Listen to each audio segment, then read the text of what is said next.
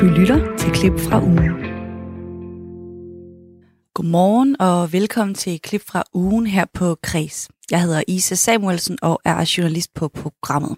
Jeg har lyttet alle ugens Kres-udsendelser igennem og valgt det allerbedste til dig.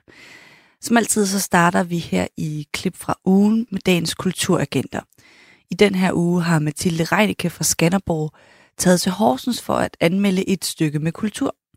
Så frem med papir og pen, nu kommer der nemlig en anbefaling fra det østjyske. Jeg har været øh, nede og besøge fængslet i Horsens, som, øh, som jeg havde set på Facebook havde pyntet op til jul. Ja, og hvis vi lige skal sætte lidt kontekst på, så er det altså øh, Horsens Statsfængsel, hvor der egentlig normalt er julemarked, men i år så, øh, så har de lavet det lidt om, så der er det her, øh, der er jo selvfølgelig Fængselsmuseet, og det har åbent for julehygge, og det er frem til den 20. december, og der kan man ligesom komme ind og opleve julepynt og historier om at holde jul i fængslet. Men der er også noget udenfor, og det var det, du besøgte, så vidt jeg kan forstå. Er det ikke rigtigt? Jo, men det er rigtigt nok. Jeg, altså, jeg, jeg havde set på Facebook, at, at man kunne ligesom komme ned, og så, så sådan, øh, jeg forstod det som sådan en øh, substitut for det der fede julemarked, øh, som jeg har hørt fængslet har. Jeg har ikke været på deres julemarked, men jeg har været til deres middelaldermarked, og sådan noget. jeg ved, de plejer at slå, slå brødet altså, virkelig stort op. Øh, og det kan man jo ikke i år, men jeg tænkte, at, at jeg vil ligesom gerne jeg vil gerne have noget julestemning og noget julelys, så jeg har inviteret et par veninder med ned og, og kigge på det her øh, snekøbing, øh, som, som skulle være i Nordgården, øh, uden for fængselsmuseet på selve fængslets øh, ja, matrikel. Ikke? Og så, øh, så stod der sådan, at det var for store og små, og man kunne se en kæmpe snemand og en fotovæg og sådan nogle ting. Jeg synes, det lød lovende, øh, så, så er afsted med os. Øh, vi havde ikke tid til i år at se museet. Jeg har været på museet før, og det ved jeg virkelig er, er godt, og de har jo også pyntet op. Men, men det var ligesom den udendørs øh, oplevelse, vi, øh, vi tog afsted for. Ja, og det var altså den her øh, Nisseby, som du siger rigtig nok, ligger i øh, Nordgården, hvor, øh, hvor den hedder Snekøbing. Men mm. jeg ved, ja, normalt så er det jo sådan, hvis man har lyttet med her på Kreds og fast lytter, at øh, i Kulturagenda, I giver jo sjældent under fem eller seks øh, ud af, eller, det er jo ikke stjerner, det er jo lidt forskelligt fra gang til gang, hvad det er, men altså på vores mm. lille karakterskala. Men jeg kan fornemme på dig, at det her, det var altså ikke rigtig noget, du kom i julestemning af. Hvad var det, der skete? Nej, men jeg tror, øh, altså, jeg tror, det nok er en kombination af, af sådan, øh, min egen indlæ altså, læsning af, af det her, øh, den her Facebook-begivenhed, og så, så måske bare mine lidt for høje forventninger til fængslet. men, nej, men det var bare, øh, det var lidt en skuffelse, må jeg nok ærligt indrømme. Jeg, jeg er ellers øh, meget positiv, og jeg har også svært ved at skulle, ved at skulle sådan omtale noget lidt negativt, kan jeg faktisk mærke. Men jeg, jeg blev sgu skuffet over sådan, øh, den manglende mængde af julelys og sådan nogle ting. Øh, øh, det var sådan, øhm, det, var, det var nogle rigtig små, søde huse, og der var ligesom nogle nisser inden, der boede her i Snekøbing, og der var også gjort noget ud af at lave nogle historier. Og, øh, og jeg har jo også været inde og læse efterfølgende, der stod ligesom, at det var en lille øh, juleoplevelse. Så på den måde, så tror jeg, jeg tror egentlig ikke, at, at, at de har lovet for meget. Øh, men det følte jeg lidt, der stod der, fordi det var ikke, der, der var ikke julelys over det hele, og, og der var ikke sådan julestemning, og der var sådan helt mærkeligt tomt øh, på fængslet, så, eller på, på matriklen. Der gik sådan nogen med hund og sådan noget, men der var ligesom ikke andre i Snekøbing end, end os Øh, og på den måde var det selvfølgelig rimelig coronavenligt, men, men det var ikke sådan det der julefix, vi ligesom havde håbet på at besøge, desværre. Nej, men det, jeg kan godt høre, at I blev lidt skuffet, men jeg står jo også og tænker her, altså det kan jo være, fordi det er jo en nisseby, eller sådan, ja, en nisse-juleby, og der er jo altid sådan lidt magi og, og den slags med. Det kan jo være, at I har misset et stort juleeventyr, en hemmelig indgang eller et eller andet, og simpelthen kunne have været til juleband i uh, bal i Nisseland. Men det skal altså, ikke, Mathilde. Det kan sagtens være. Nej, men det kan sagtens være. Jeg har da også gået og tænkt på, at fordi vi er voksne. Altså, det kan være, børn kan se meget mere. Det vil være helt julekalenderagtigt, at, øh, at der var sådan en helt parallel verden. Men, men, men det vi så, altså vi tog nogle billeder ved den flotte fotovæg. Det må jeg sige. Altså, der var nogle fine rammer, og vi tog et sjovt billede, og, og vi, vi nød også at læse de små søde historier om nisser, der godt kunne lide nissebajer, og som kom fra USA. Og altså, der var gjort lidt ud af det for børnene, men, men jeg synes, at magien den manglede lidt, øh, og, og derfor så, så blev vi faktisk heller ikke at spise æbleskiver på matriklen, men vi tog ind til Horsens bagefter i stedet for. Øhm, der havde jeg hørt fra en kollega, at der var virkelig fået julelys op. Øh, så, så vi kørte simpelthen videre øh, i Horsens by for at finde lidt flere julelys. Ja, altså det synes jeg jo, det er jo meget voksenagtigt. Jeg kan faktisk rigtig godt lide det her med, at du siger, at det er måske for de små, og det er jo meget julekalenderagtigt, og i dag handler det jo også i dagens kreds om børneskuespillere og børns oplevelse af verden, så på den måde, så er det jo perfekt simpelthen. Men I voksne, I, øh, I opgraderede altså oplevelsen her, og tog ind, som du siger, til Horsens Midtby. Og øh, hvad var det, der ventede dig her? For det lyder som om, at det ligesom har gjort hele oplevelsen lidt bedre.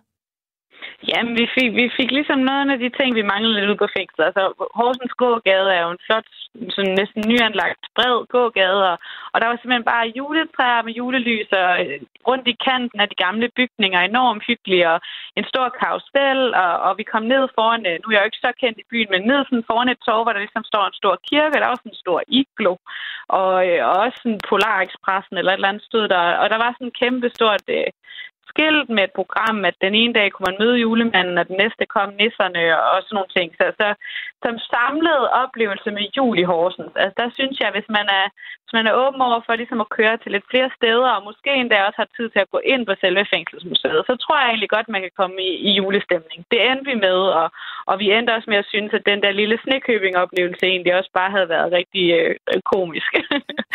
men det lyder jo faktisk, som om det bliver jul alligevel, og som du siger, siger her, hvis det er sådan en samlet oplevelse med, at man først er ude på, i fængslet, og så dernæst inde i byen, så, øh, så lyder det også, som om der er noget for hele familien i virkeligheden. Ja, det tror jeg bestemt. Ja. Men prøv at høre her til sidst. Altså, så kigger vi jo på jul i Horsens simpelthen samlet. Og jeg mm. tænker, fordi du nævnte jo nissebejere før øh, ude mm. på, øh, i fængslet, men du nævnte også en karusel. Så det bliver sådan en... Jeg forestiller mig, at man har en nissebajer i den ene hånd, mens man kører rundt i julekarusellen, og det er den skala, vi skal give karakter på. Så fra 1 til 6 ud af øh, ja, 1 øh, til 6 nissebajer og julekaruseller, hvad skal jul i Horsens så have, Mathilde? Jeg tror, at Julie Horsen som samlet oplevelse får de får tre af de der nissebajer og karuseller. Altså, jeg ligger på vippen til et fire, fordi jeg også godt kan lide Horsens, og jeg kan også rigtig godt lide Fængselsmuseet. Men, øh, men jeg var altså lidt skuffet over Snekøbing, det må jeg sige. Øh, men, øh, men det kan være, at jeg skal prøve at tage min lille søn med næste år. Han er, han er lidt for lille i år, men det kan være, at jeg får en anden oplevelse næste år med børneøjen på. Ja, det tænker jeg også. Altså, den, øh, den er i hvert fald for børn, og du nævnte også, at øh, I kom i, hvor det var lidt mørkt. Det kan også være, det er noget, man skal mm-hmm. gøre tidligere på dagen, og ligesom se, øh, se snekøbing om, om dagen ja, eventuelt. det er rigtigt. Det er rigtigt, det kan sagtens være. Jamen, jeg synes, det lyder som en lille fire, fire øh, Nisse Beyers øh, karakter her. Det ved ja, jeg ikke. Det, ja, det tænker jeg godt, vi kan snige os op på. Helt sikkert. Og sådan blev det altså til tre, måske lige fire Nisse Beyer fra Mathilde.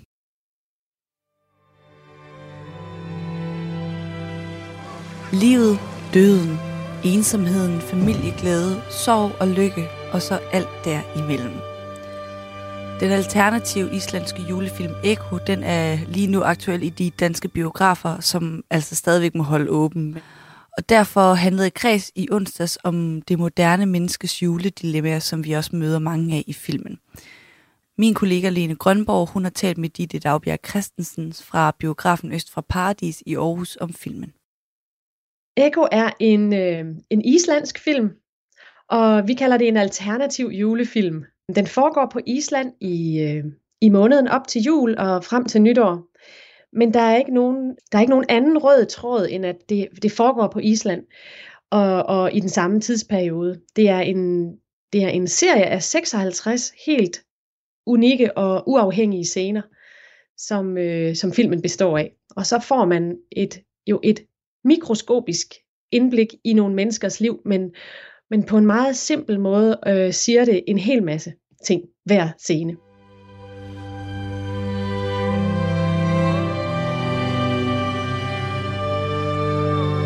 Það gengur á hérna og núna allir komin í verkvall.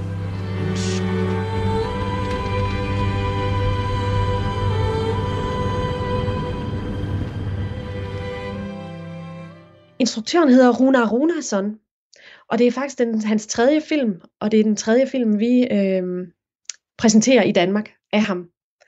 Han har lavet en, en film, der hedder Volcano, der handlede om en, en ældre mand, som havde mistet sin kone og nu prøver at tage livet af sig selv.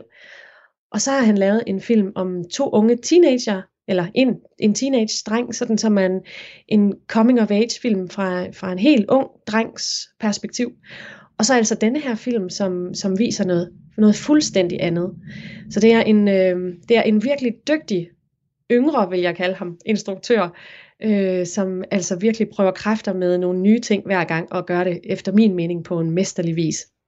Ja, jeg har jo også næsten selv lige været inde og se den her ekstremt flotte film. Øh, men jeg synes ikke, at man kan lade være med at sidde bagefter og tænke, har den her film overhovedet et budskab til os? Hvad tænker du? Ja, altså øh, det er jo ikke en film, som netop har en rød tråd, eller en, en forklaring, eller en løftet pegefinger overhovedet. Den er meget, øh, den er meget nøgtern, og meget, øh, man er meget en flue på væggen. Kameraet står for eksempel helt stille øh, i de scener, man ser. Og den der sådan ultra simple måde gør, at der faktisk bliver plads til, at man selv er, er ret meget en del af scenerne. Altså man sidder selv og, og, og forestiller sig, hvad er de her mennesker, hvad er deres forhold, hvordan fortsætter deres liv, eller hvordan er de havnet i den situation, man ser lige der. Og jeg tror, det gør, at man kommer øh, til at aktivere alt det, man selv bringer med. Jeg har jo læst øh, alle de anmeldelser, der, der er lavet af filmen, og det er virkelig fascinerende, synes jeg, for mig at, at læse, hvordan folk har læst noget forskelligt ind i scenerne. Øhm, og det er forskelligt, hvilke, hvilke scener, der gør, gør, gør indtryk. Altså, nogle gange kan man næsten gætte, om det er folk, der har børn i, i en vis alder, eller det er, altså, ja, om det er folk, der selv kommer fra skilsmisse hjem, hvor de, de måske tager fat i nogle bestemte situationer op til jul, som, som de genkender, eller det er nogle helt andre ting, man hæfter sig ved. Så det er bestemt en, en film, der har, der har meget på hjerte, men det er også en film, som, hvor tilskueren bliver en meddigter, vil jeg sige.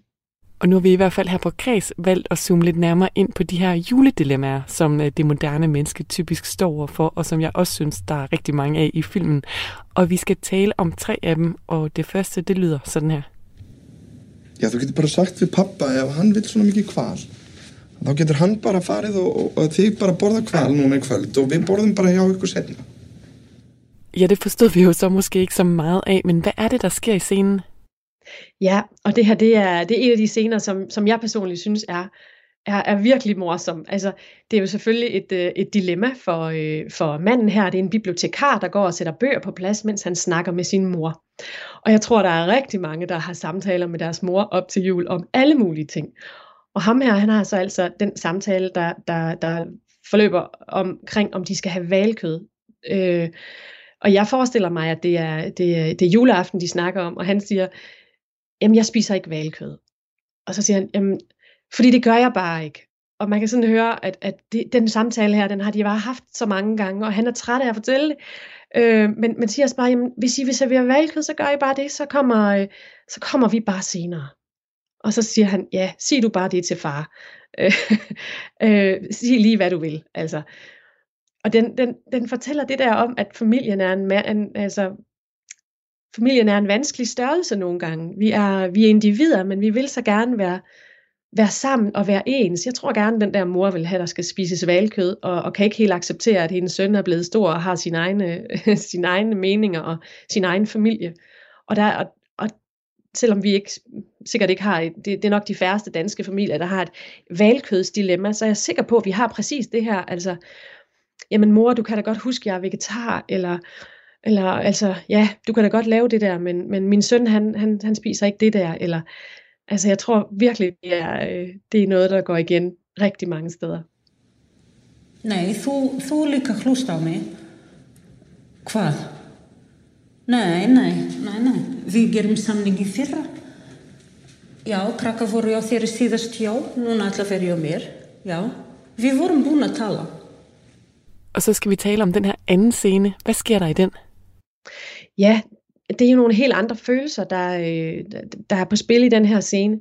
Nu får man jo ikke den fantastiske billedside med. Der står jo simpelthen sådan en, øhm, øhm, en kvinde i øh, rengøringstøj inde mellem nogle glasmontre med nogle øh, havfugle, som ser ud som om de er midt i det hele. Øh, helt, helt fantastisk øh, øh billedside, der er til den her scene. Hun, hun snakker helt tydeligt med sin eksmand om, hvem der skal have børnene til jul, og hun siger, vi lavede jo den her aftale sidste år. Du fik børnene øh, sidste år, og jeg skal have dem i år. Og så kan man bare høre, hvordan han bare... Øh, han bare tager, øh, altså han tager røven på hende, undskyld. Øh, men det gør han, han, han, han siger, jamen, han siger et eller andet i stil med, at han har jo købt billetter allerede, og, og man kan bare se, hvordan hun, øh, hun bryder sammen.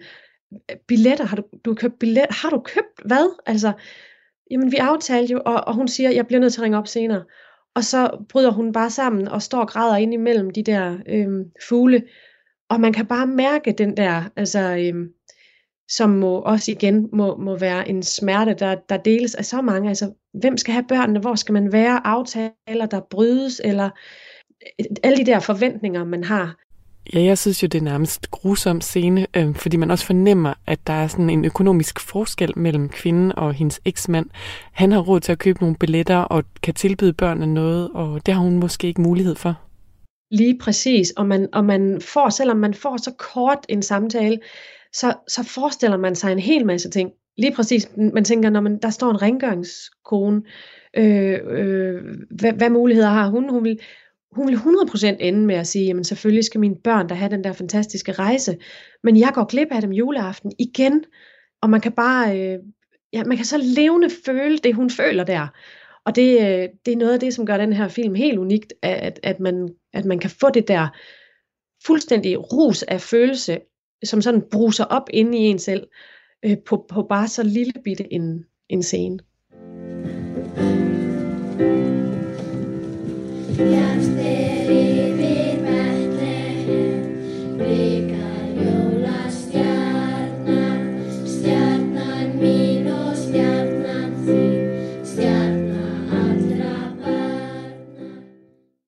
Ja, så bliver der sunget lidt. Øh, hvad sker der i den her tredje scene, som vi skal tale om nu? Ja, der ser vi jo en, øh, en scene, som så øh, kommer til at mangle i rigtig mange liv i år. Øh, en en øh, scene fra en skole, hvor der er en skoleklasse, som opfører et, et krybespil. Øh, komplet med moderne tilsat øh, julemand og Coca-Cola og alt muligt. Og så, øh, og så står der simpelthen en... Øh, I starten sidder de ned, øh, en skov af af forældre med hver deres iPhone og iPads og optager på livet løs den her øh, fantastiske øh, scene. Øh, og man kan sådan, da, da børnene samles på midten af scenen og begynder at synge, så er der sådan en, en, en ivrig far, der rejser sig op, og så må de alle sammen rejse sig op, og så kan man se alle de her blå skærme.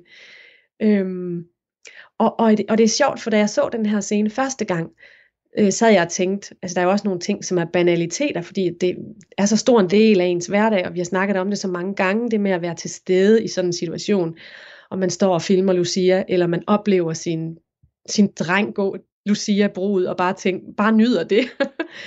øhm, eller, eller, eller, øh, ja, men, men anden gang jeg så den her scene, var det jo så nu, i coronatid, og, og, jeg, øh, og jeg tænkte faktisk, jamen, det kan godt være, det er, at, at den, den her scene er lavet som en kritik af de der iPhones, men det er også en måde, som vi lige nu holder kontakt med hinanden, og en måde, hvor vi kan være en del af, af det. Min søster sendte en, en lille film, de kan ikke, der må ikke være nogen på deres skole, selvfølgelig, og heller ikke på min egen børns skole.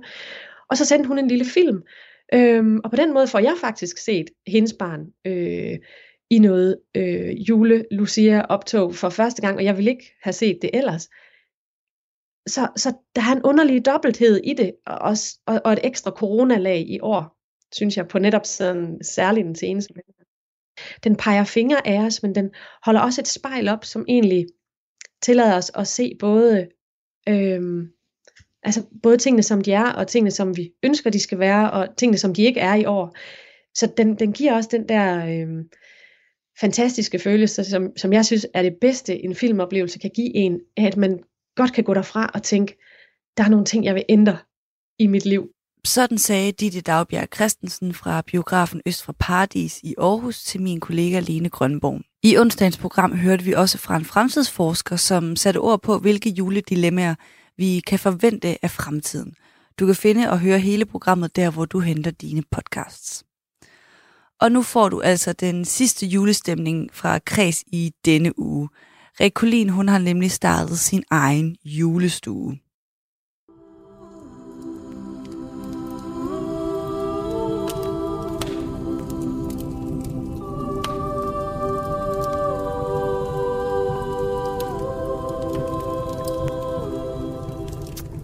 Ah, gløk og øh, pebernødder og skittermøg, skal jeg faktisk til at sige. Det er jo øh, noget, man forbinder med jul, men jeg er faktisk ikke øh, særlig stor julefan. Øh, og jeg ved ikke, øh, nu har jeg lige snakket med fremtidsforsker Anne-Marie Dahl, og øhm, det er nok bare, fordi jeg, jeg forbinder julen med utrolig meget øh, stress og jag og alle mulige forventninger, så jeg tror også, jeg vil skrue lidt mere ned for mine egne forventninger i, øh, i år. Men øhm, noget, jeg holder øh, meget af, det er øh, julesalmer og gode julesange. De gør mig faktisk virkelig, virkelig lykkelig. Og derfor så har jeg gjort det sådan, at hver onsdag i december, der inviterer jeg en gæst ind i min lille ja, Grinch-hytte her, og så hen foran pejsen, som du kan høre knitre lige nu. Og så skaber vi lidt øh, julestemning sammen. Og min øh, gæst tager simpelthen det stykke julemusik med, der er indbegrebet af jul for dem. Og nu kan jeg byde velkommen indenfor i Kreds julestue til dig, Lucy Love. Velkommen til. Jo, tak. Lucy, først og fremmest er jeg jo nødt til at høre, altså dit forhold til julen. Hvad, er du en juleperson? Ja, det synes jeg. Øh, jeg synes, jul er mega hyggeligt. jeg har, øh, altså jeg er jo halv engelsk, så jeg har jo øh, sådan dansk jul og øh, engelsk jul, så der er sådan dobbelt op. Okay, så hvordan er det nu med den engelske jul? Er det der, man får gaver den 25. om morgenen? Lige præcis. Så du får både gaver den 24. og den 25. Ja, faktisk. Ja. okay, ej, det er jo lidt interessant, fordi jeg, øhm, jeg, sad, jeg sad sådan og tænkte på, at jeg vil spørge, hvad det bedste for julen er, øh, er for dig. Og jeg Ja. tænker, at der er måske rigtig meget, fordi der er så mange forskellige traditioner. ja, det er sådan, altså jeg er jo vokset op med, at vi ikke fejrede noget den 24. Det var kun den 25. Men nu hvor jeg er blevet voksen, og min søster har, har børn, og så der, der fejrer vi simpelthen dobbelt op. Så vi, vi er de samme, der ses næsten to dage i streg. Bare dansk øh, med and og flæskesteg, og så turkey, kalkun dagen efter. Er det sådan uh, hofretten i, uh, i britisk jul? Ja, det er det. Det er den her kæmpe store, fede fugl. den er kæmpe stor. Ej, ja, jeg får sådan helt uh, mindelser fra sådan noget Bridget Jones, uh, ja. Hvor de holder jul der i starten af filmen. Det er sådan en britisk jul. Lige præcis. Og, og øh, sådan noget Christmas pudding, som er sådan meget sort tjærelignende, kompakt lille kage. Og, øh, og det det er sindssygt lækkert. Det er, det er et helt andet, det er en helt, altså, det er et andet måltid end den danske. Øhm, og ja, jeg får så begge. Og hvad er din favorit? Altså dansk mad versus uh, den engelske mad? Uha, altså, ej, jeg kan jo rigtig godt lide flæskesteg, øh, men jeg vil sige, jeg er nok lidt mere til den, til den engelske jul. Den er lidt mere, øh, der er lidt flere smagsnuancer i måltidet. Og det, og det tager også længere tid at lave. Det er meget omstændigt. Der er mange retter. Ja, ja, men det, det, det er Ja, sådan, det der er er, i meget Danmark, voldsomt. der er vi lidt mere sådan, der er en, der er en steg, der skal øh, stege Ja. ja. ret mange timer, og også nogle kartofler og noget Ja, ja. rødkål, ikke? Lige præcis. Det er til at have at gøre med, ikke? Men den, den engelske der, jeg, jeg står for fuglen hvert år. Gør du øh, Ja, og så står min mor for resten. Og da jeg voksede op, der skulle min mor stå op omkring ved 4-5-tiden, ikke? Fordi man spiser jo ved frokosttid. Ah, ja, selvfølgelig, fordi ja. det er den 25. Ja, Ja, okay. Øhm, vi spiser så ved tre, ikke? så det er ikke så voldsomt. Men det er bare den her kæmpe fugl, ikke? der bare er alt for stor. Og øh, ja, Ej, jeg, uh, jeg glæder mig. Jeg kan godt mærke, hvor skal du holde jul i år? Jamen, det er på Amager. Det er på Amager, simpelthen min søster, hun laver dansk jul den 24. Hun bor øh, 20 meter fra mig, og så øh, og min mor og min underbo, så den 25. så hopper jeg nedenunder med den kæmpe fugl. Ej, hvor er det godt. Jamen, prøv, du får jo helt mig. Kan du mærke det? Sådan Ja. en julestemning. Ja. Jeg startede med at være sådan der, ej, ikke så fedt og sådan noget, men jeg kan godt mærke, at der er nogen, der glæder sig, så det, det vil jeg lade mig inspirere af. Men det er jo sådan i julestuen her, der fokuserer vi jo i den grad på musikken, og det er altså Ja. fordi, det er noget af det, jeg rigtig, rigtig godt kan lide ved øh, julen. Og du er jo musiker, så du Mhm. mm-hmm. ved jo øh, et og andet om, øh, om den slags. Hvordan har du det generelt med julemusik? Altså, er det sådan noget, du sætter en playlist på i midten af november, og så kører den bare, eller hvordan?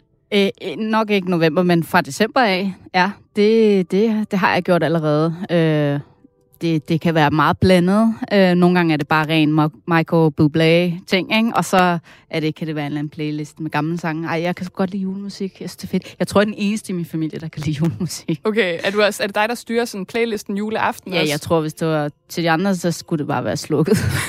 ja, okay. Det er jo også, nu har vi lige snakket om juleskænderier. Vi har faktisk tit Ja, ja, okay. diskuteret hjemme hos os, skal der være musik under maden eller ej, ikke? Præcis. Jeg kan godt lide, der er sådan dæmpet øh, Ja.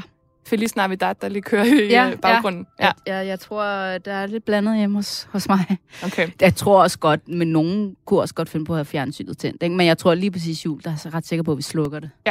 Det kan jeg også bedst lide. Igen, det er også noget, der er til... Ja, ja. ja. Der er evige juledilemmaer øh, Ja. ja. for evigt. Men prøv at høre, du har jo taget en sang med, som Ja. ja. du har valgt som din favorit. Og øh, vil du, altså, hvad er det, vi skal øh, lytte til lige om lidt?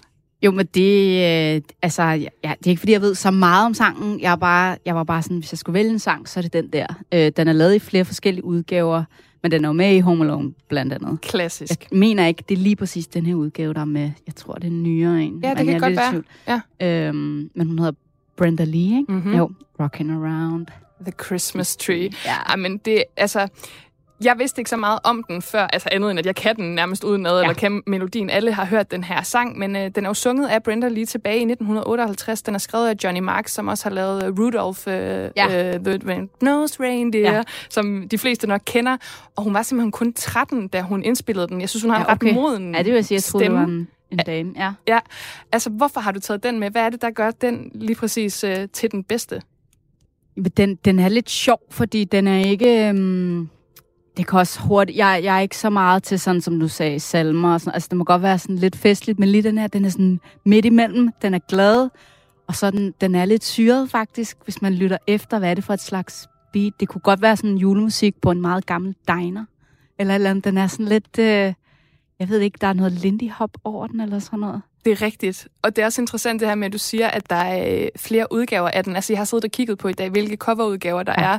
Øh, Kim Wilde lavede en med Mel Smith i 87. Okay. Cindy Lauper har lavet en. Green Day har lavet en. Mick Peck har lavet en. Altså, alle Ja, ja, har været inde over den her sang på et eller andet tidspunkt. Ja. Og det synes jeg også, at det, det er jo også noget, der på en eller anden måde cementerer, at det er en klassiker, tænker jeg. At der er så mange covers af den. Ja, og sådan, og sådan den, den er glad og festlig. Altså, det, når jeg tænker på jul, så tænker jeg, at det, det støjer lidt, og der sker mange ting, og så lige den her, den, den transporterer mig bare tilbage øh, til min barndom, og igen, jeg stadig, jeg hører den i dag, så øh, det skulle ligesom være den. Jamen, altså, har du sådan særlige minder knyttet til den? Er det sådan en, du hører hver jul? Eller hvad, sådan, hvad kommer du til at tænke på, når, når du sætter den på? Altså, jeg, tæ- jeg tænkte på Home Alone, fordi den har jeg set hver jul, siden jeg var lille.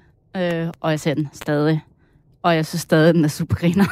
Jamen, prøv, det er en juleklassiker. Ja. Og det er så sjovt med de der julefilm, som man ser hvert år, at, at man kan blive ved med at grine. Man ved præcis, Ja, hvad der sker. Det er jo bare sådan et ritual, ikke? Fuldstændig. Og alligevel så kommer det sådan virkelig ærligt ned fra maven. Ja, og der er den der scene, hvor han skal lade som om, at der kører en, en fest. Og hvor det han, der, den- Ja, lige præcis, ikke? Med alle dukkerne og, og alt det der i vinduerne. Ja, og snore og ja, så videre. Og det er her, den også kommer på. Og vi skal jo høre den lige om lidt, men her til sidst, inden vi skal høre den, så tænker jeg bare, har du nogensinde selv overvejet at lave et julenummer? Det, det er jo sådan en ting, kunstnere gør en gang imellem. Er det noget, du skal kaste over?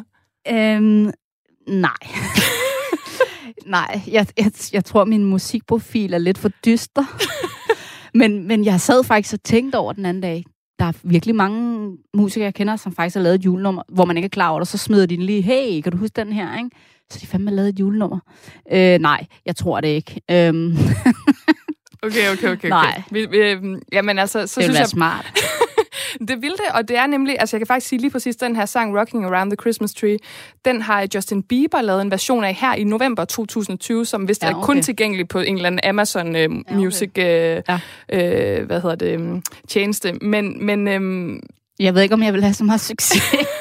med det det, skal fandme også være godt, ikke? jamen det er det, og det er, jo, altså, det er jo virkelig en kunst at lave en rigtig, Ja. ja. rigtig god julesang. Men øhm, jeg synes bare, at vi skal slutte julestuen af med simpelthen at, øh, at høre den. Rocking around Christmas tree at the Christmas party hop. Mistletoe hung where you can see every couple tries to stop. Rocking around the Christmas tree, let the Christmas spirit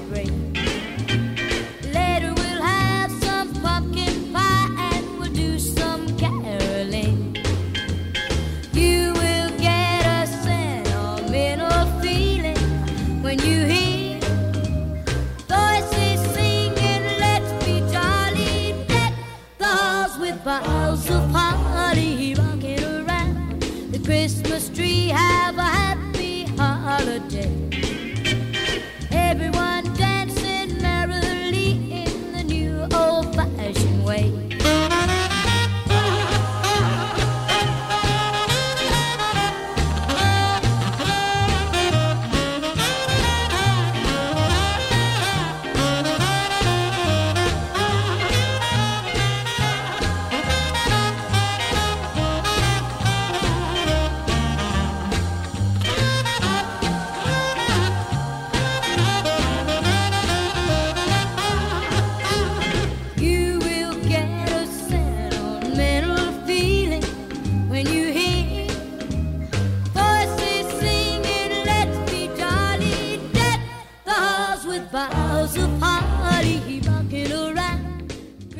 lytter til klip fra ugen med mig, Isa Samuelsen. Kulturinstitutioner, teatre, spillesteder, museer, biografer og biblioteker skal holde indendørs arealer lukket. Ja, sådan her det lød det altså fra statsminister Mette Frederiksen, da hun holdt pressemøde i mandags. Nedlukningen af kulturlivet den gælder til og med den 3. januar næste år. I første omgang så omfattede den her nedlukning 38 af landets kommuner, men i torsdags blev det altså udvidet til 31 kommuner ekstra. Så nu gælder restriktionerne altså hele Region Midt, hele Region Sjælland samt Vejle, Fredericia, Middelfart og Aalborg Kommune fra det fredag i går den 11. december til og med den 3. januar 2021. Rekulin hun talte i tirsdags med Kasper Sand Kjær, som er kulturoverfører for Socialdemokratiet og hun spurgte ham først og fremmest, hvordan han selv har det med de her nedlukninger. Du skal lige være opmærksom på, at interviewet det er altså lavet, da det kun galt 38 kommuner. Jamen, det er selvfølgelig enormt øh, beklageligt. Øh, det har jo efterhånden været et langt år, øh, og er der noget, vi har brug for, så er det jo virkelig at være sammen og opleve noget sammen. Men der er bare ingen tvivl om, at den situation, vi står i lige nu med en, en, en kraftig udvikling i smittetallene, øh, flere indlagte, en forventning om, at vi får endnu flere smittede og indlagt over de kommende uger, så, så er der ikke andet at gøre, end at bremse op og, og holde os til det allermest nødvendige kontakt. Men hvilke overvejelser er det, der ligger bag den beslutning, at kulturlivet omfattes i så stor en grad af nedlukning i, i modsætning til, til andre industrier? Jamen, der ligger selvfølgelig den øh, overvejelse, at det er der, hvor vi samles mange mennesker. Øh, det er Øh, de rammer, hvor det kan være svært at, at opretholde den øh, sociale kontakt, øh, holde god afstand, god hygiejne osv. Og så er der selvfølgelig også den overvejelse, og det er jo bare for at være helt ærlig, at vi jo nok hellere vil holde daginstitutionerne og de små klasser i, i skole åbent, holde arbejdspladserne åbne øh, af hensyn til økonomien, end, øh, end at holde kulturlivet åbent. Vi kan ikke holde det hele åbent øh, på én gang, øh, og derfor er vi jo nødt til at prioritere. Der er jo mange arrangører, som er øh, lidt uforstående over for beslutningen. Altså, det gælder blandt andet Lars Vave, og han er direktør for øh, Danske Biografer. Han har blandt andet henvist øh, til en undersøgelse, som viser, at ingen altså i hele verden er blevet smittet af at gå i biografen, som øh, øh Cellulit øh, har, øh, har foretaget den her undersøgelse. Men teatre, spillesteder og biografer, det er jo også steder, hvor der er blevet taget rigtig meget hensyn til øh, restriktioner og publikum. Øh, hvordan kan det være, at de alligevel er omfattet af den her nedlukning? Ja, jeg kender ikke lige den, den konkrete undersøgelse, så det vil jeg helst ikke øh, øh, kommentere på. Der er ingen tvivl om, at rigtig mange af vores kulturinstitutioner, biografer, spillesteder, teater og mange andre har været rigtig gode øh, til at sikre afstand og sikre, at retningslinjerne kunne, kunne overholdes. Men det ændrer sådan set ikke på, at når vi lytter til, til sundhedsmyndighederne, så er de sådan set meget klare i deres anbefaling. Det er der, hvor vi samles mange mennesker, hvor at der er øh, en risiko for, for smittespredning. Og her er kulturlivet jo bare et af de steder, hvor vi øh, normalt samler mange mennesker. Men det er jo også øh, højsæson for teater og biografer, som lige nu viser juleforestillinger og julefilm, som altså ikke kan øh, skubbes frem i programmet. Det er jo en branche, som allerede lider og har lidt rigtig meget på grund af nedlukningen tidligere i år. Hvilke konsekvenser forudser du, at den her nedlukning den får på lidt længere sigt? Ja, der er jo ingen tvivl om, at så længe at der er øh, restriktioner, som både indtil nu har gjort, at man må begrænse antallet af publikum, og, og i hvert fald for, for, for de næste uger betyder, at man er helt lukket i, i, en, i en række af landets kommuner, så skal vi selvfølgelig også stå klar med, med kompensation, der, der dækker det økonomiske tab. Øh, og så ligger der jo en stor opgave, når vi er på den anden side af coronavirusen, når vi har fået vaccineret øh, befolkningen, øh, at vi så skal have genåbnet og kickstartet øh, vores øh, kulturliv. Det har vi jo allerede i finansloven øh, afsat penge til øh, en, en kickstart af, af oplevelsesøkonomien, og det kommer vi jo fortsat til at have et fokus på hvordan er det, at vi får øh, alle godt på fod, øh, når at vi er over øh, pandemien. Men hvordan forholder du dig så til de her konsekvenser? Altså jeg tænker på, hvornår får institutioner og også publikum, som blandt andet har købt billetter til, til de her institutioner, vidsthed om de her kompensationsordninger, som du nævner? Jamen, vi har jo sådan set allerede nu aftalt en række kompensationsordninger, som vi løbende har forbedret siden, øh, siden øh, vi, lukkede, øh, vi lukkede ned i, i marts. Så derfor har vi sådan set i dag et rimelig fint masket net, øh, spændt ud, der også langt hen ad vejen tager højde for den situation, vi står i. Øh, nu hvor nogle er tvangslukket, andre øh, har kan man sige, begrænsninger på, hvor mange mennesker der kan være inde. Dermed ikke sagt, at vi ikke kan få brug for at forbedre dem øh, yderligere, men allerede nu ligger der kompensationsordninger, som kulturinstitutionerne øh, kan søge. Øh, både dem, der er tvangslukket, dem, der har øh, faldende øh, indtægter, dem, der er i, i fare for konkurs, øh, er der alle sammen kompensationsordninger til, som, som er åbne i dag.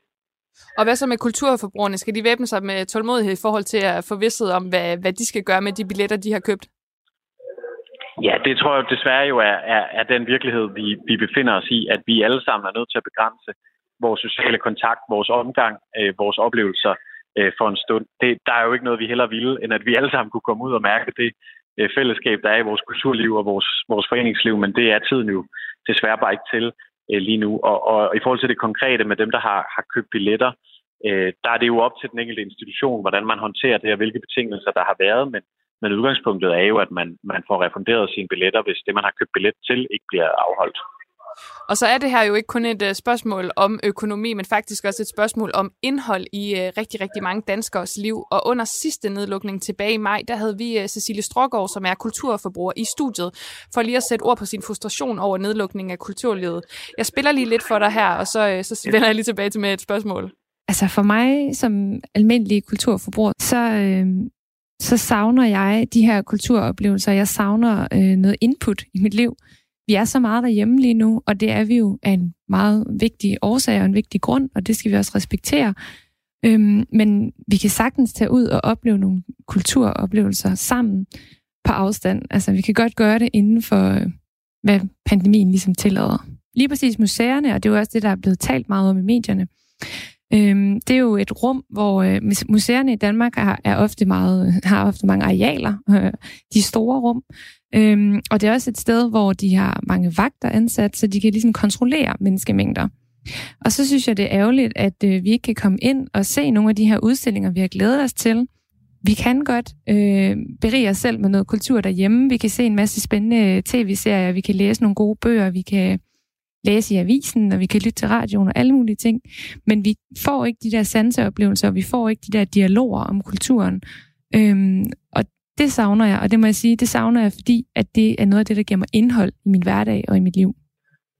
Ja, hun nævner altså noget, der giver indhold her, og giver blandt andet et eksempel på øh, museerne, hvor der er rigtig, rigtig god plads. Og det samme kan man jo også sige om biografer og, andre steder, så længe de øh, overholder restriktionerne.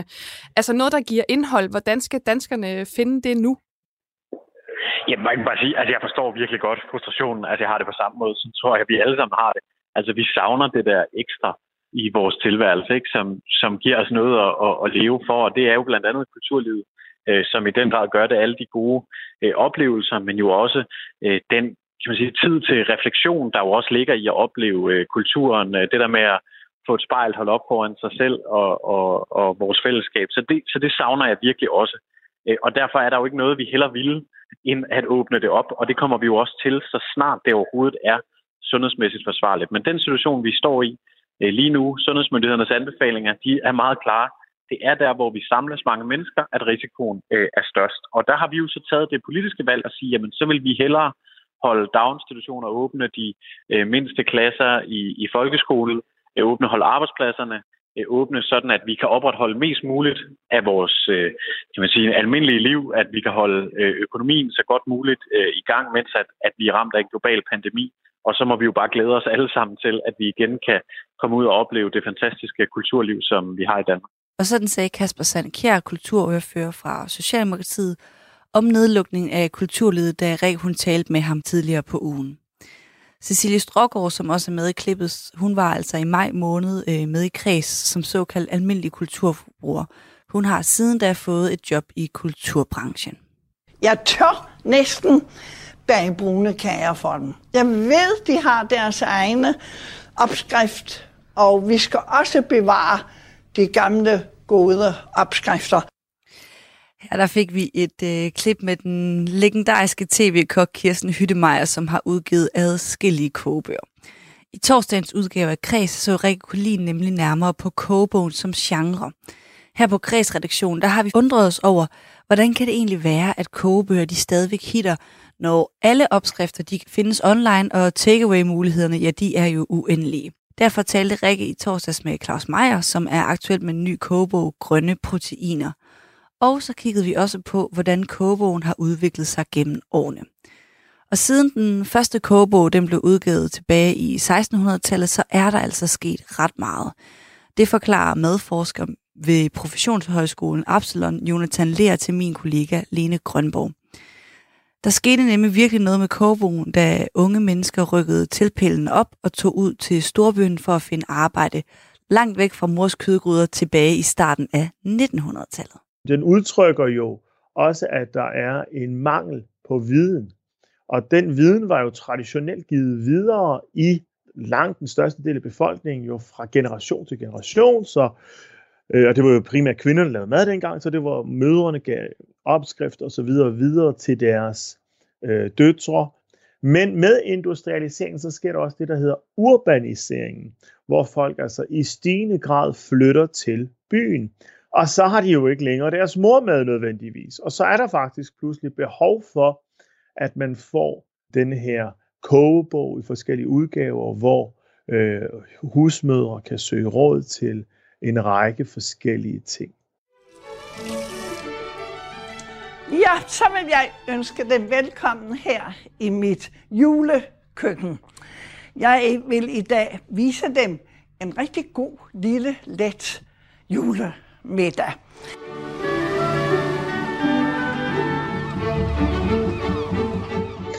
Så sker der jo så det, efter 2. verdenskrig, der får vi jo et økonomisk boom, som virkelig øh, sætter gang i julene.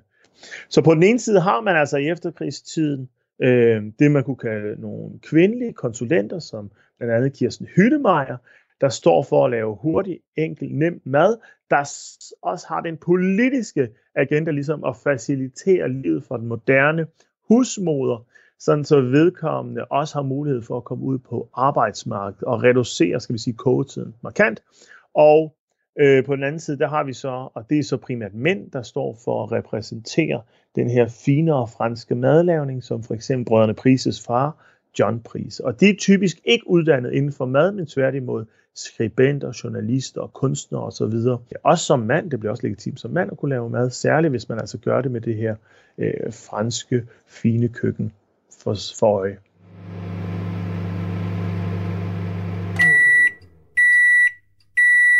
Der er mange af de her bevægelser, som man også kan se øh, fortsætte op igennem for eksempel sådan noget som øh, 1980'erne, 90'erne, hvor vi også ser, at der på den ene side er sådan en stor teknologi-fascination. Der kommer for eksempel øh, nye teknologier som mikrobølgeovnen, som øh, nogle synes er fantastisk, og der er flere kogebøger om mad, man simpelthen kan lave i øh, mikroovnen.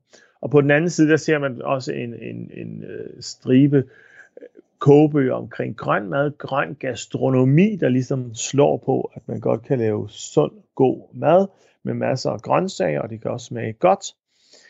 I øh, løbet af 1990'erne også, at der kommer meget, meget fokus på brandet af den enkelte kogebogsforfatter. Det har der været tidligere, men nu ser vi virkelig nogle stærke, markante personligheder, øh, som for eksempel øh, Henrik Boserup, der jo rendt rundt på motorcykel og var sådan en skaldet kok, der havde sådan lidt øh, et rocker-look, sådan, var lidt mere rå, hårdkogt.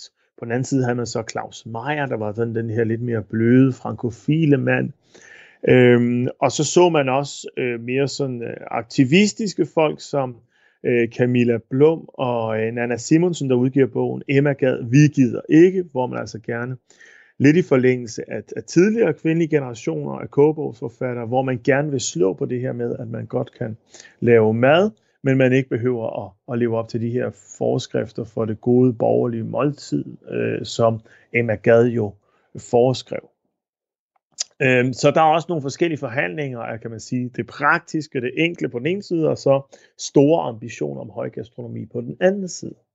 Hi, lovely people. Okay, we are going to make the most delicious lasagna al forno, right? A classic. People love lasagna, and I want to give you a really solid recipe that will take care of you, your family, your friends, and give you deliciousness every single time. Så sker der også det i løbet af, af omkring årtusindskiftet, at der kommer en række meget, meget kendte internationale brands, der bliver øh, spiller større og større rolle. Her er Jamie Oliver jo helt klart et, et et klasseeksempel på det, på en, en person, der går fra at være en fuldstændig ukendt kok, så får han det her program, der hedder The Naked Chef, hvor han øh, viser, hvordan man som ung mand kan lave smart, trendy mad og, og gøre det til vennerne og hygge med dem øh, i forskellige øh, sociale situationer, hvor han altså laver en eller anden mad, der, der passer til, så han kan lave barbecue med vennerne, han kan øh, passe sin jæses børn og lære dem at lave pasta, øh, og sådan skifte rundt mellem forskellige udtryk øh, for det maskuline. Men han er også en, der virkelig formår hele tiden at øh, rebrande sig selv, så i en kogebog, der kan han gå op i øh, for eksempel sin have, som øh, og dermed dyrke haven og følge årstiderne og sådan virkelig lave slow cooking. Og så den en af de næste bøger, han laver for eksempel 30 Minute Meals, hvor han altså tager det her amerikanske koncept med at lave mad på 30 minutter, øhm, og, og ligesom går ind i den her sådan meget næsten fabriksagtige tilgang til maden, hvor man skal effektivisere tiden mest muligt, sådan så man kan i en travl hverdag få et måltid på bordet på 30 minutter.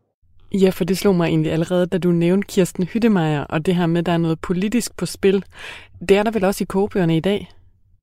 Ja, men det er der helt klart i dag også. Øhm, der er rigtig mange sådan øh, forskellige typer af, af kogebøger. Man kan jo sige, at en kogebog er jo sådan set en fortælling om, øh, hvordan mad kan føre til det gode liv langt hen ad vejen. Ikke? For der er jo altid en vision omkring Øh, ikke bare, at der er et eller andet mad. Det er der jo i nogle enkelte kogebøger, men langt de fleste kogebøger nu om dagen har jo også en, en, en meget stærk billedside, hvor man ser, øh, hvordan det gode måltid ser ud, øh, og så er der øh, en helt underforstået også, hvad det er for nogle måltider, man så ikke ser på en eller anden måde. Ikke? Altså dem, der ligesom bliver set som antimodellen til det gode måltid på en eller anden måde. Ikke? Øhm, og, og det kan jo række sig ind fra rigtig, rigtig, rigtig mange forskellige ting, til det her med, at man skal lave mad fra bunden, eller som Claus Meier havde også en kogebog for nogle år siden, der hedder Almanak, hvor det netop er mad, øh, der følger årstiden meget, meget nøje, så hver øh, ugeplan, som han laver i den her kogebog, følger øh, alle uger i hele året, og de er så nøje tilrettelagt til lige specifik den årstid, hvor man er med de råvarer, der er på den tid. Øhm, så det kan man også sige, det er sådan en helt anden ideologi. Nu om dagen ser man også mange grønne kogebøger. Der har været sådan en kæmpe, kæmpe boom i år. For eksempel har jeg set, at alle mulige, der udgiver øh, grønne kogebøger, det skal jo selvfølgelig ses i forbindelse med øget klimabevidsthed og folk, der gerne vil skubbe i, øh, i, i den retning. Ja, og nu er det jo netop Claus Meyers bog Grønne Proteiner, som vi har kigget nærmere på i kreds her i dag. Men jeg har faktisk også fundet en liste frem fra Saxo over de mest solgte kogebøger herhjemme. Øh, og hvis jeg bare sådan lige kigger hurtigt ned af den liste, så finder vi jo sådan noget som øh, Valdemars Ro, øh, De skønneste livretter til hele familien af Anne-Christine Hellerup Brandt. Vi finder Mission Sund Mad af Michelle Christensen, eller vi finder 100 kødfri dage af Nadia Mathisen. Hvad siger sådan en liste dig? Den er jo meget sjov på den måde, at vi også ser nu, at det er nogle lidt forskellige typer, der kommer ind og, øh, og, og, øh, og er kogebogsforfatter. Ikke? Så for eksempel, når man har en blogger, der kommer ind og skriver øh, en kogebog, ikke? så er det også meget interessant. Altså for det første, så bliver det jo meget tydeligt, at det er sådan en form for livsstilsunivers, og, og, og, og, og. Ja, hvis vi bare lige skal nævne det, så er det jo så nogen som Valdemars Ros aftensmad og 100 kødfri dage, der udspringer af et bloggerunivers. Ja, netop, og det er jo meget, altså det er jo sådan helt typisk for alle de her forskellige øh, øh, forfattere, vi ser nu om det, at de netop opererer på rigtig mange forskellige platforme.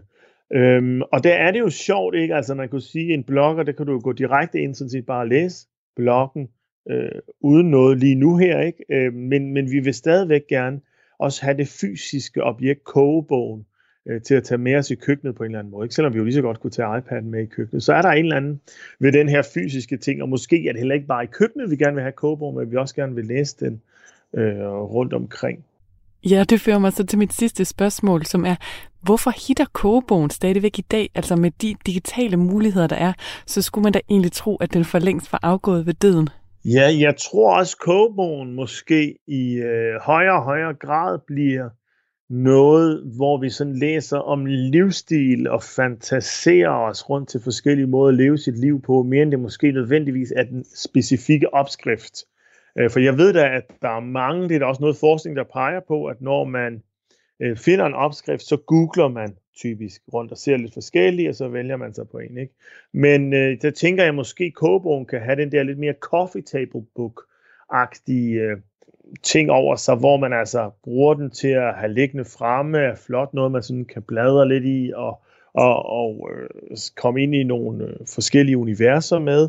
Øhm, og, og samtidig så kan den måske også have den funktion, at man at, at alt det rundt om maden spiller en endnu, endnu større rolle. Ikke? Fordi jeg synes virkelig, der bliver gjort meget ud af æstetikken af rigtig mange af de her kogebøger, i at få lavet en særlig æstetik, der passer til lige netop øh, den ideologi og den forestilling om det gode liv, som den specifikke kogebog øh, for, forestiller. Ikke om det så er sundhed, eller om det er familiemad. Lød det fra medforsker ved Professionshøjskolen Absalon, Jonathan Leer, til min kollega Lene Grønborg. Som altid, der slutter vi af med nogle bevægende ord. Hver eneste torsdag her på Kreds, der sætter danske poeter ugen på vers. Denne uges poet, det var Nana Lundgaard Arbøl. Hun er forfatter til digtsamlingen under Cassiopeia fra 2013 og Pulsens koordinator fra 2016. Og så står hun også bag Instagram-profilen Hverdagslinjer, hvor hun skriver nogle korte, men meget rammende linjer ud på de sociale medier. Og her der starter hun altså med at forklare Rikke, hvilken nyhed, der er udgangspunkt for denne uges udgave af ugen på vers. Så jeg prøvede jo også at se, om jeg kunne finde en af de helt små nyheder, for ikke at tage en af de store. Men øh, så kom der den her tidlige juleferie. Alle øh, må ikke øh, gå i skole, og der er nedlukninger, og vi må ikke gå ud og spise med. Så tænker jeg, den tager jeg. Jeg kan ikke lade være med at tage den. Jeg bliver nødt til det. Jeg bliver nødt til at sige noget om den. Og hvorfor har du valgt det? Fordi altså, for mig ville en tidlig juleferie jo egentlig være dejlig. Ja, nu studerer jeg selv, øh, og vi sidder og skriver en opgave og skulle have fremlagt i næste uge. Øh, det kan vi ikke sådan fysisk. Det bliver over Zoom, og øh, det synes jeg er lidt problematisk, og det frustrerer mig helt vildt meget, at jeg ikke kan få lov til at gå i skole og gøre det på den måde, vi allerbedst kan lide ved at møde op fysisk. Øh, og mange er sådan, ja, det er dejligt til juleferie hjem og hygge jer, men nej, det er bare ikke juleferie. Nej, og det er sådan et år, hvor øh, man har faktisk bare brug for, at alting vender tilbage til normalen. Men øh, det tænker jeg måske er med i den her tekst, så jeg vil ikke sige for meget. Jeg vil bare spørge, inden øh, du skal lave ugen på vers her for os. Har øh, din tekst her en titel? Ja, det hedder Julestemning i pandemiens land. Meget, meget passende. Jamen, øh, kære lytter, her får du altså Nana Lundgaard Arbøl med ugen på vers. Og så står vi her igen med ansigterne gemt bag visir og maske og lytter til autoriteterne tale og skælde og smelle og advare, imens vi snøfter, og vores masker bliver plettet, vores visir dukket og vores hjerter. De banker og råber og håber på, at de gode nyheder ankommer i år 2021. Jeg kan se i dine øjne, at du længes, at du grammes, at du for længst har givet op og har lyst til at skrige og sige, at nu må det være nok. For det må det altså. Det er jul og vores julestemning. Den, der skal holde os varm og holde os oppe i mørket. Den knuses langsomt i takt med restauranternes lukken og caféernes sukken, og dine øjne er så blanke. Din jul hænger nemlig allerede i en tynd tråd, for du er det 11. medlem i din familie, og hvornår er man selvskrevet? Hvornår bøjes reglerne? Hvornår er der plads nok? Hvornår stopper Ragnarok? Hvornår kan vi ses igen? Alle sammen. Og imens julelysene stråler og minder os om den varme højtid, stresser vi ikke længere over maden og gaverne, men over hvor vi skal gøre os selv, når vi nyser i netto eller får et hosteanfald af kanelpulveret fra bærens snegl. Og så bliver vi sendt på tidlig juleferie, så vi ikke sprøjter basiller på hinanden eller fristes af den afskyelige trang til at være nær et andet menneske. Men jeg er ved at være ligeglad. Du er også ved at være ligeglad. Vi er alle ved at være ligeglade. Nys på mig, host på os, kram mig til at blive blå i hovedet. Og dør jeg ikke af corona, så dør jeg af at være tæt. Og det er måske slet ikke så ringe en død. Snarere tværtimod. Men vi må ikke joke med så alvorlige ting som covid-19 og dens uskik.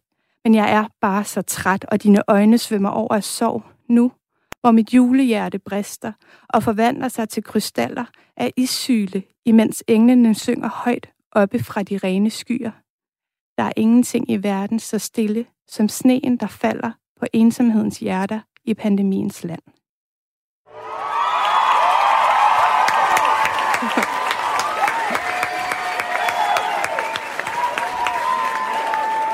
Jeg skruer lidt ned på mit hæppekor her. Jeg kan, jeg kan fortælle dig, at det, jeg, skal ikke til, jeg vil ikke sige, at det er en fast øh, del af ugen på vers, men ugen på vers har flere gange fået øh, altså, mig til at græde, fordi at folk simpelthen rammer så spot on. Og det har været en meget lang dag også, og en meget langt år. Og jeg kan virkelig mærke, at det her det er bare altså indkapslingen af, hvordan 2020 har været. Ikke? Så tusind, tusind tak for nogle virkelig fantastiske linjer. Øh, og så samtidig med, at der er jo også en lille smule humor i det her. Mm. Altså, har du brugt humoren også? Fordi jeg synes, mange, meget af det, du skriver, det er jo enormt følsomt, øh, og det er også enormt skarpt. Men har humoren også øh, fyldt noget for dig i forhold til at, ligesom at cope med 2020? Uden tvivl. Jeg er blevet nødt til sådan også at hive lidt frem, for ligesom også at tage lidt pis på det hele, fordi det bliver bare så mørkt og dystert og depressivt og Øh, sørgeligt. Øh, og jeg vil bare gerne have en god jul, og en jul, som vi havde sidste år, hvor vi ikke tænkte på alle dem, der dør, og om der er nogen, der hoster, og man bliver bange, når der er nogen, der pusser næse i bussen, og jeg ja, bare helt vildt træt af det. Så jeg tænkte, jeg prøver at få et eller andet sjovt ind i det, så det ikke bliver så melankolsk det hele. Sådan lød det, da Nana Lundgaard Arbøl hun satte ugen på vers. Det var alt, hvad jeg havde til dig i denne udgave af Klip fra ugen her på Kris. Husk, at du kan finde alle vores programmer i deres fulde længder, der hvor du henter dine podcasts. Jeg hedder Isa Samuelsen, og jeg håber, at du får en rigtig dejlig lørdag.